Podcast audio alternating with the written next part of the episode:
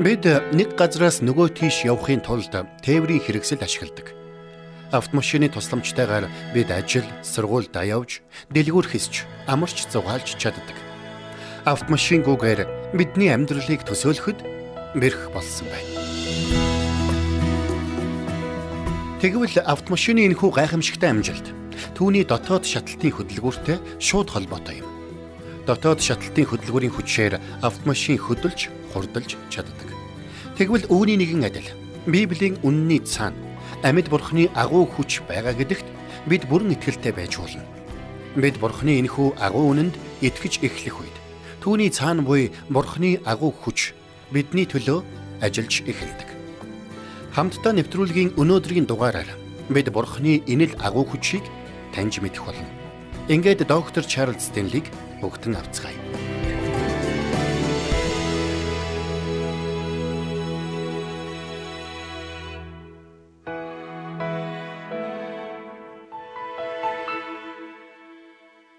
Бид үнэн таныг чөлөөлнө гэсэн сэдвээр цуврал хичээл үзэж байгааг та санаж байгаа бах. Тэгвэл Бурхны үнэн биднийг яаж чөлөөлдөг болохыг өнөөдөр хамтдаа үздэцгээе. Юуны өмнө энэ асуултыг эхнээс нь бодоод үзээрэй. Өнөөдөр маш олон хүн Бурханд итгэж, авралыг авч, Христийн дотроос дахин турж, сүм чуулганд хамрагдаж, Библи уншиж, залбирч, бусдад үйлчлдэг боловч итгэлийн амьдрал нь нэг л баяр хөөргүй, урам зориггүй, амжилт ялалтгүй, үр жимсгүй байсаар байдаг юм. Маш олон итгэгч хүмүүс итгэлийн амьдралдаа сэтгэл дундуур байдаг нэгэн онцгой шалтгаан бол сатааны хүлээс юм. Сатан биднийг хуурам мэхэлж, биднийг бурхны үнний дагуу бус харин түүний хуурам мэхлэлтийн дагуух бодол санаанд автуулж байдаг юм. Ингэхдээ диавол бидний дотор өөртөө эргэлтсэн, өөрийгөө голсон, өөрийгөө чамлсан мэдрэмжүүдийг төрүүлж тэр бүх сөрөг мэдрэмжүүдээр дамжуулан биднийг хүлж эхэлдэг юм. Улмаар бид өөрсдийгөө үнд сэнэгүү хинт ч хэрэггүй хүн гэж итгэж өөрийгөө яллаж өөрийгөө буруутгаж эхэлдэг. Тиймхүү бурхан биднийг үйлсийн маань улмаас биш харин нэгүслэрээ хүлээн авсан гэдгийг мартаж эхэлдэг. Энэ нь биднийг Бурхны болон бусдын урмыг хугалж тэдний хүлээлтэд хүрэхгүй байх вэ гэсэн айдас болгоомжлолд автуулж эхэлдэг. Үүний улмаас бид өөрсдийгөө байнга шахаж, байнга хүчилж, байнга бусадтай харьцуулж эхэлдэг. Эцсийн дүндээ энэ нь бидний итгэлийн амьдралаас баяр хөөр аз жаргалыг үгүй хийж, бидний итгэлийн амьдралдаа сэтгэл дундуур нэгэн болгон хувиргадаг юм. Энэ бол сатааны хүлээс юм. Энэ хүлээс сатанаас ихтэй бөгөөд Сатан одоо ч итгэгчдийг инхүү хүлэхээр идэвхтэйгээр ажилласаар байна. Тэгвэл бид яагаад сатааны энэ хүлээсэнд хүлэгддэг юм бэ? Яагад гэвэл бид Бурхны үнэнд биш харин сатааны худал хуурмагт итгэх сонголтыг хийдгээс тэр. Харин бид Бурхны үннийг ойлгож сатааны хуурам мэхлэлтийн хүлээсийг энэ үннээр тас цогж чадвал тэр цагт бид жинхэнэ эрх чөлөөтэй амьдралаар амьдрч чадна. Тэгвэл бид энэхүү сөрөг мэдрэмжүүдийн хүлээснээс хэрхэн ангижрах вэ? Бурхны үнэн биднийг энэ хүлээснүүдээс хэрхэн чөлөөлдөг юм бэ? Энэ чухал үннийг бид нэг өргөн зам гэж үзвэл энэ зам дотроо гурван игнэт юм. Эхний игнэ нь Христийн доторх бидний байр суурь. Хоёр дахь игнэ нь Христийн доторх бидний мөн чанар. А мөн гурав дахь нь Христийн доторх бидний баялаг буюу өв юм. Бид өмнөх хичээлүүдээр энэ тухай аль хэдийн сурцгаасан. Гэхдээ би энд нэг зүйлийг хэлмээр байна. Бид энэ гурван чухал ойлголтыг толгойдоо сайтар ойлгож чадсан ч амьдралдаа яаж хэрэгжүүлэх вэ гэдэг нь маш чухал юм. Учир нь бид тэр бүх үннийг амьдрал дээрээ практик байдлаар хэрэгжүүлж байж сая тэр бүх сөрөг мэдрэмжүүдийн хүлээснүүдээс ангижирч чадна. Тиймээс би танд маш энгийн дөрвөн алхмыг зааж өгмөр байна. Энэ дөрвөн алхам нь маш энгийн учраас та зарим нэг алхмыг алгасах гээд байж магадгүй. Гэхдээ битгий алгасаарай. Учир нь Эзэн Есүс өөрөө Иохны 8:31 32-т хэлэхдээ Та нар үнэн дотор маань байвал үнэхээр миний дагалдагчд байна. Тэгээ та нар үннийг ойлгож үнэн та нарыг чөлөөлнө гэж айлтсан юм шүү дээ. Христийн доторх өөрсдийн байр суурийг олж мэдж мөн Христийн доторх бид хэн болсноо мөн Христ дотор бид ямар өвийг хүлээж авснаа ойлгож аавна гэдэг нь маш чухал юм. Гэхдээ энэ бүхнийг сонсож толгойд ойлгох нь нэг хэрэг. Харин өдөр тутмын амьдралдаа энэ бүх үннийг хэрэгжүүлнэ гэдэг төсөөр хэрэг юм. Бид сорилт уруу датлагтай нүрд тулсан үедээ Эсвэл айж түгссэн өөрийгөө голсон өөрийгөө хүнд ч хэрэггүй гэж бодсон үедээ энэ үнний дагуу хэрхэн хариу үйлдэл үзүүлэх вэ? Энэ бол маш чухал асуулт, чухал ойлголт юм. Тиймээс ийм тохиолдолд таны хийх ёстой ихний алхам бол эрх чөлөөтэй амьдралыг сонгох сонголт юм. Эрх чөлөөтэй амьдралыг сонгоно гэдэг нь яг юу гэсэн үг юм бэ гэж та бодож байж болох юм. Тэгвэл би танаас асууя. Есүс Христэд итгэх үедээ та ямар сонголтыг хийж, ямар шийдвэрийг гаргасан бэ? Та Есүс Христийг аврагч эзнээ болгон хүлээн авах сонголтыг зориудаар хийсэн шүү дээ. Түүний загалмайн үхлээр дамжуулан гим нүглийн уучлалыг хүлээн авч мөн хамийг болон Бурхны хүүхэд болох эрхийг хүлээж авах боломжтой болсон гэдэгтээ та бат итгэсэн. Энэ бол таны хийсэн сонголт. Би Есүс Христэд амьдралаа даатгаж, түүний уучлал өршөөлийг хүлээн авч, түүний төлөө амьдрч эхлэх болно гэсэн сонголтыг та ухамсартайгаар хийсэн. Энэ бол таны ухамсартайгаар хийсэн сонголт байна гэдгийг та санаарай. Та энэ сонголтыг хар аяанда өөрөө ч мэдэхгүйгээр хийсэн гэж бүү бодоорой. Учир нь таны дотор аль хэдийн суужсан ойлголтын дагуу бол та энэ сонголтыг хизээж хийхгүй байх байсан. Тиймээс та Христэд итгэх сонголтыг итгэлээрээ хийсэн. Тэгвэл таны итгэлийн амьдралд ч мөн энэ зарчим хിവэрэ үйлчлэн гэдгийг та санах хэрэгтэй. Та Христэд итгэсэн мөчөөс эхлэн урсгал сүрж амьдрах ёстой болсон. Та өөрийнхөө дотор урдаас суужсан тэр ойлголтууд, сөрөг мэдрэмжүүд болон таны эргэн тойронд буй нийгэм соёлын сөрөг нөлөөг сүрж амьдрах ёстой болсон юм. Тэгж байж таны амьдралд бэлдсэн Бурхны хамгийн сайн сайхныг та хүлээн авч чадна. Харин үүний тулд танд цаг хугацаа шаардлагатай. Энэ цаг хугацааны туршид таны дотор тодорхой процесс өрнөх шаардлагатай болно. Таны дотор бий болсон тэр бүх сөрөг хандлага, сөрөг мэдрэмжүүд нь ганцхан цагийн дотор бий болчихоогүй. Тиймээс та энэ бүхнээс мөн ганцхан цагийн дотор ангижирчж чадахгүй. Тиймээс та өдөр бүр зориудаар ухамсартайгаар тэр бүх хүлээснээсээ ангид эрх чөлөөтэй байх сонголтыг хийдэг байх учиртай юм. Тэгж байж та жинхэнэ эрх чөлөөг мэдрэх болно. Хоёрдугаарт та дэвчих хэрэгтэй болно. Би эрх чөлөөтэй байх сонголтыг хийж байна хэмээн таныг тунхаглах үед сатан таныг шахаж эхлэх болно. Яагад гэвэл ингэж хэлснээрээ та сатан тандан би чиний худал хуурмаг хуурам мэхлэлтээс залхаж байна. Тиймээс би чиний бүх хүлээс, бүх дайралт, бүх хуурам мэхлэлтийг өгүүлсгэж, няцааж, буруушааж байна. Би Есүс Христтэй хамт эрх чөлөөний замаар алхах болно хэмээн хэлж байна гэсэн үг юм. Таныг ингэж хэлэх үед сатан таныг энэ шийдвэрээс чинь хуурахын тулд чадах бүхнээ хийж эхлэх болно. Та нэгэнт авралыг авсан учраас сатан таны авралын эсрэг юу ч хийж чадахгүй.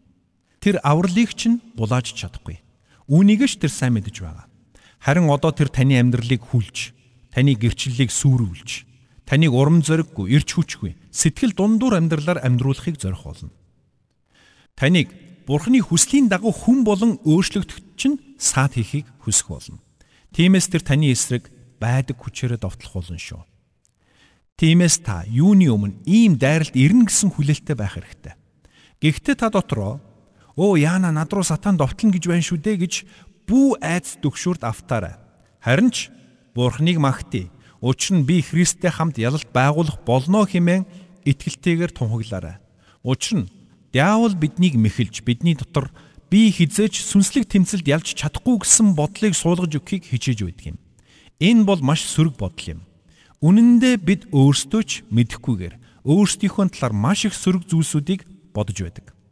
Учир нь Диавол биднийг өөрсдийнхөө талаар ийм сөрөг бодолтой, сөрөг хандлагатай болгохыг ямагт хичээж байдаг юм. Тиймээс ч өнөөдөр маш олон итгэгч хүн өөрийгөө голж би ийм гоё зүйлийг хиймээр байгаа ч угаасаа бүтэхгүй юм байна дөө. Миний хийсэн ажил дандаа бүтлгүүтэж байдгийм хэмээн боддог. Гэтэл ийм бодол шууд утгаараа диаволоос ихтэй юм. Гэхдээ хэрвээ миний 7 хоног бүрт танд сануулan хэлж буй бүхэн үний юм бол Есүс Христэд итгэх итгэлээр танд тэр бүх ивэл ёроол өгөгдсөн үний юм бол та диаволын энэ мэд хуурам мэхлэлтээс ангид амьдрах учиртай юм.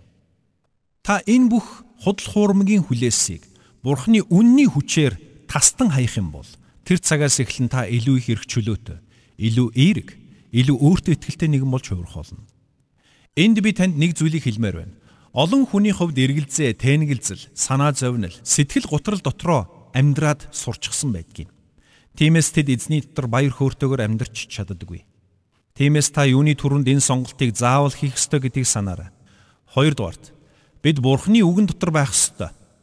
Эзэн Есүс энэ тухай хэлэхдээ Иохны 8 дугаар бүлгийн 31 дугаар ишлэлдэр хэрв та нар үгэн дотор маань байвал үнэхээр миний дагалдагчд байна гэсэн байдаг.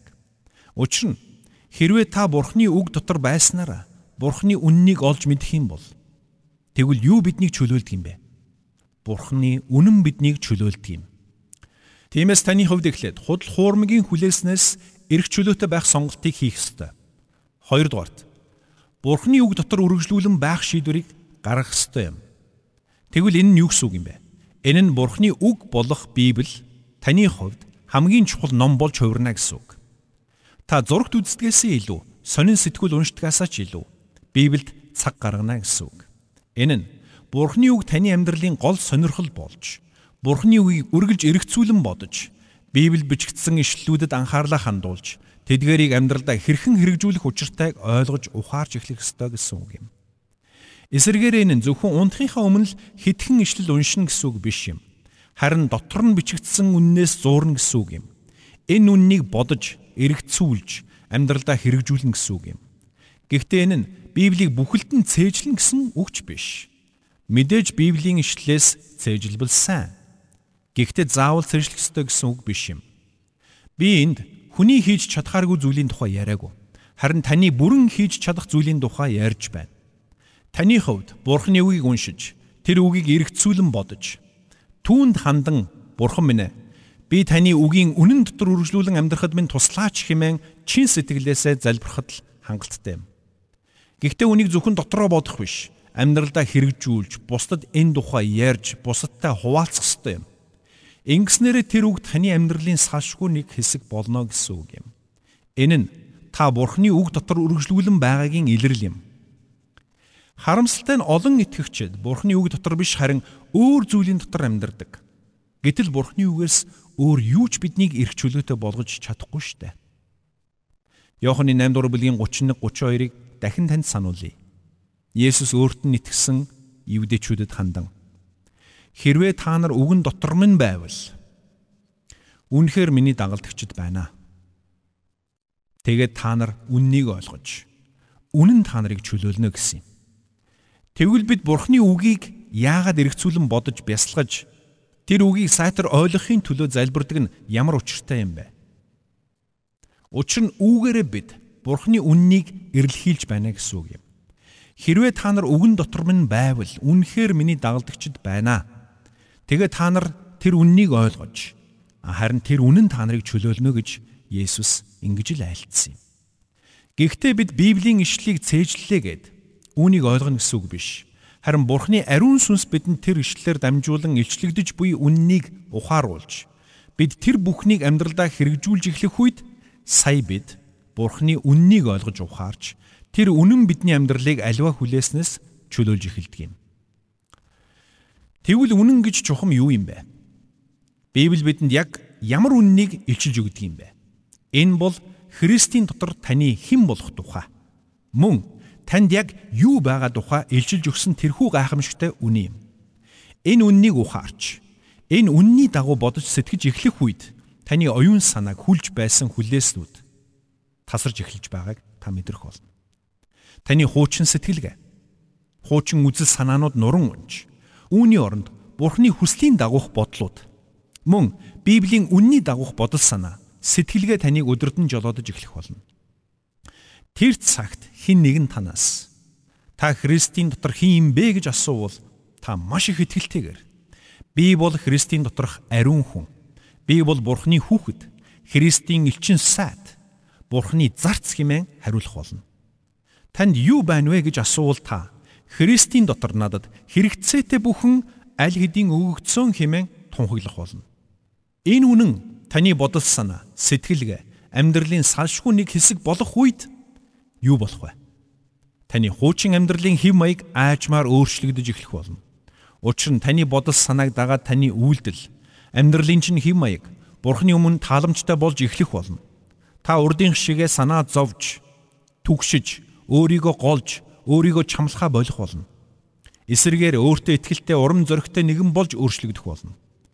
Орчлон ертөнцийг бүтээсэн Бурхан таны дотор амьдарч танд хэрэгтэй тэр бүх хүчийг танд аль хэдийн дүүргэн өгчихсөн байхад танд өөрийгөө голох, чамлах ямар ч шалтгаан шалтгаан байхгүй юм. Тийм хүмүүс гаднаа зөв зүгээр юм шиг харагддагч.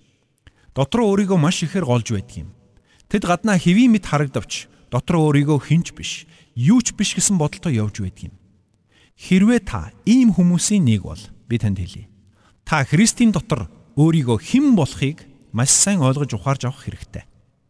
Христийн дотор та яг хин юм бэ? Та бол Бурхны хүүхэд. Та бол энэ дэлхийн гэрэл ба давс. Та бол Христийн элчин сайд. Бурхны ариун хүн, ариун сүнс орших газар. Та энэ үннийг бүрэн дүүрэн ойлгож ухааран энэ үнний дагуу бодож сэтгэж эхлэх үед таны амьдралд байсан худал хуурмгийн хүлээснүүд тасран унаж та бурхны хүслийн дагуух амьдралаар амьдарч бурхны хүссэн зүг рүү алхах боломжтой болно. Яагаад гэвэл та үнэнд итгэхэд зогсохгүй. Үнний дагуу амьдрах сонголтыг хийсэн учраас тэр юм. Үнэхээр бурхан таныг хэрхэн хардагчлан та өөрийгөө тийхүү харж эхлэх үед таны амьдрал бүхлээрээ өөрчлөгдөх болно. Тиймээс танд олон жилийн туршид үнэн юм шиг санагдаж байсан тэр бүх итгэл үнэмшил, үзэл бодлуудаа Бурхны үгтээ жишиж үзээрэй. Хэрвээ тэр итгэл үнэмшил, үзэл бодол дунд чинь Бурхны үгтээ зөрчилдөж байгаа зүйл байгаа бол тэр чинь худал хуурмаг гэсэн үг юм. Тэр худал хуурмгийг Илч Паул Эфесийн загталд өгүүлсэнчлэн та хоош нь тавиарай. 3 дугаарт Та Бурхны үгэнд бүрэн итгэж найдах ёстой. Эндээс нэг асуудал уран гарч ирдэг. Маш олон хүн Библи эхнээсээ дуустлаа үнэн гэдэгт би итгэдэг гэж хэлдэг. Гэхдээ тэд Библи бичигдсэн үгс бүхэн өөрсдийнх нь амьдралын хөрсөн дээр үнэн байж чадна гэдэгт тэр бүр итгэдэггүй юм. Учир нь сатан тэднийг хурам эхэлж мэдээж Бурхны үг бол үнэ. Гэхдээ энэ үнэн үг чиний амьдралд хэрэгжих хэсэг нь эргэлзээтэй шүү дээ хэмээн эргэлзүүлж эхэлсэн байдаг юм. Бурхны үг бол үнэн. Гэхдээ энэ үг чиний амьдралд яг энд бичгдсэнчлэн хэрэгжихгүй шүү дээ. Чи эндүүрч байна гэж шивндэг. Тиймээс Христэд итгэгчид бид Христийн доторх эрх чөлөөг сонгож Бурхны үг дотор байх шийдвэрийг гаргаад зогсохгүй. Библиэд бичигдсэн үгс бүхэн үнэн бөгөөд бидний амьдралд ч мөн Библиэд бичигдсэнчлэн биелэх болно гэдэгт итгэх учиртай юм. Учир нь сатан бусдын амьдралд хэрэгжиж болох ч харин чиний амьдралд хэрэгжихгүй шүү дээ хэмээн шивнж байдаг юм. Гэвч энэ бол сатаны хурам мэхлэлт гэдгийг та санаарай. Тиймээс бид Бурхны хэлсэн үг бүхэн үнэн бөгөөд бидний хүн нэг бүрийн амьдралд адилхан хэрэгжиж байдгиймаа гэдэгт бүрэн итгэх учиртай. Энэ итгэл таны амьдралд гайхамшигтай үр дүнг авчрах болно гэдэгт та итгэлтэй байж болно. Дөрөвдүгээрт бид Бурхны үннийг тунхагладаг байх учиртай. Өөрөөр хэлбэл та Христийн доторх өөрийн байр суурийг, өөрийн мөн чанарыг, өөрийн өв залгамжлалыг итгэлтэйгээр тунхаглах хэрэгтэй. Гэхдээ энд та нэг зүйлийг ойлгох хэрэгтэй юм. Энэ бүхнийг тунхаглана гэдэг нь та Бурхны өмнө очиод Бурхан минь ээ би энэ бүх үнэн минийх гэдгийг тунхаглаж байна. Та намайг ивэж өрөөж өгөөрэй гэж залбирна гэсэн үг биш юм. Харин таны амьдралд хүнд хэцүү асуудлууд тулгарх үед Та өөртөө эргэлзэж, өөрийгөө голж, санаа зовнилд автаж, эргэлзэж, тэнэгэлзэх үедээ та тэр бүх үннийг тунхаглах учиртай юм.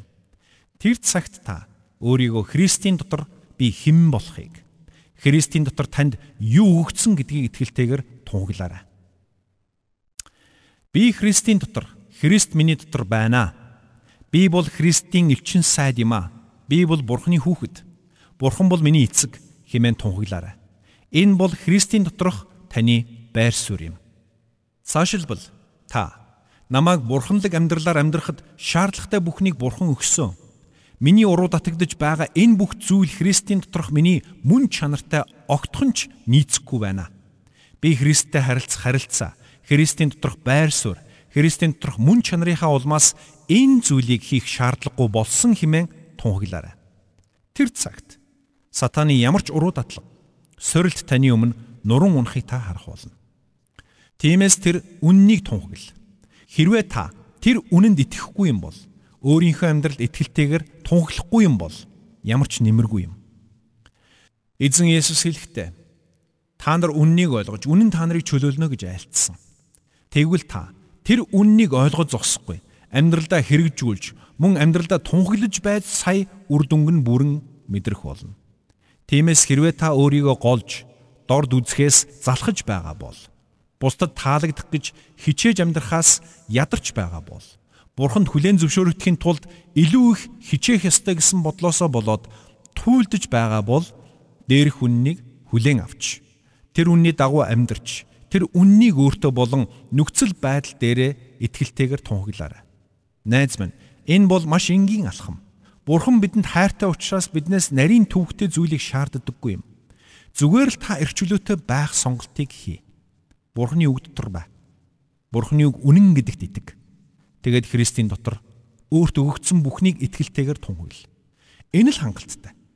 Христэд итгэгчдээс Иохны 3:16-д итгэдэггүй гэж асуувал тэд бүгд л тийм ээ. Би итгэдэг гэж хариулдаг. Тэгвэл та Иохны 8:32-д итгэж байна уу гэж асуугаад үзээрэй. Тэрэн дээр нь тэгээд та нар үннийг ойлгож, үнэн та нарыг чөлөөлнө гэж бичигдсэн байдаг юм. Та авралыг авахыг хүссэн учраас Христэд итгэж авралыг авсан шүү дээ. Тэгвэл та эрх чөлөөтэй байхыг хүсэж байна уу? Хүсэж байгаа бол Библийн үннийг олж мэд. Тэр үннийг зүрхэндээ шингээж тэр үнний дагуу амьдр. Бидэнд эрх чөлөөг амласан тэр Бурхны хүч чадалд итэг. Сонголт таны гарт байна. Эрх чөлөөтэй байж худал хуурмгийн хүлээснээс бүрэн ангижрах эсэх сонголт нь таны гарт байна. Худал хуурмгийн хүлээс дотроо үлдэх үү? Эсвэл эрх чөлөөтэй болох уу? Сонголт таны гарт байна. Мэдээд сатан тань руу довтлох болно. Тэр танд шахалт үзүүлэх болно. Гэсэн ч та Христийн доторх өөрийн байр суурийг, өөрийн мөн чанарыг өөрийн эрх мэдэл, өөрийн өв залгамжлалыг итгэлтэйгээр тунхагласаар бурханд талархсаар байгаарай. Тэр цагт үнэн таныг үнэхээр чөлөөлсөн болохыг та харах болно. Та Библийн үгээр дамжуулан Бурхны үннийг ойлгож, тэр үнэн дотроос эрх чөлөөтэй байх сонголтыг хийж, тэр үннийг амьдралдаа хэрэгжүүлж, итгэлээрээ тунхаглах үед үнэхээр үнэн таныг чөлөөлдөг болохыг та харах болно. Тиймээс би зүгээр л танаас асуумаар байна. Та эрх чөлөөтэй байхыг хүсэж уу? Худал хуурмгийн хүлээснээс ангижрахыг хүсэж байна уу? Харанхугаас гэрэлт гарахыг хүсэж байна уу? Хэрвээ тийм бол өнөөдрийн миний танд хэлсэн энэ бүх сонголтуудыг хийж энэ бүх алхмуудыг тууштайгаар дагаарай. Хэрвээ бид эрх чөлөөтэй байхыг хүсэж байгаа бол юу хийх ёстойг доктор Стенли өнөөдөр бидэнд хэлж өглөө. Бид бурхны үннийг олж мэдэн түүнийг амьдралдаа хэрэгжүүлж бурхан амлалтуудаа сахин гэдэгт бүрэн итгэх хэрэгтэй байх нь. Бид үүнийг хийх үед Есүс биднийг чөлөөлөх болно. Гэхдээ эрх чөлөөтэй болох эцсийн сонголтыг та өөрөө л хийн гэдгийг битгий мартаарай. Йохан 3:16-аас 18-д дараах гайхамшигтай амлалтууд бичигдсэн байдаг. Бурхан ертөнцийг үнэхээр хайрласандаа цорын ганц хүүгээ өгсөн тул хүүд итгэдэг бүхэн мөхөхгүй харин мөн хамтай байх болно. Учир нь бурхан ертөнцийг яллахын тулд биш харин түүгээр дамжуулан ертөнцийг аврахаар хүүгээ ертөнцид илгээсэн билээ. Түүнд итгэдэг нь яллуулахгүй. Харин итгэдэггүй нь хэдийнэ яллуулсан нь бурханы цор ганц хүүгийн нэрд итгээгүйн учир юм. Бидний аврал бидний үйлсээс шалтгаалдаггүй гэдгийг эдгээр үгс батлан харуулж байна. Учир нь бидний аврал зөвхөн бидний төлөөх Есүс Христийн агуу үйлсээс хамааралтай билээ.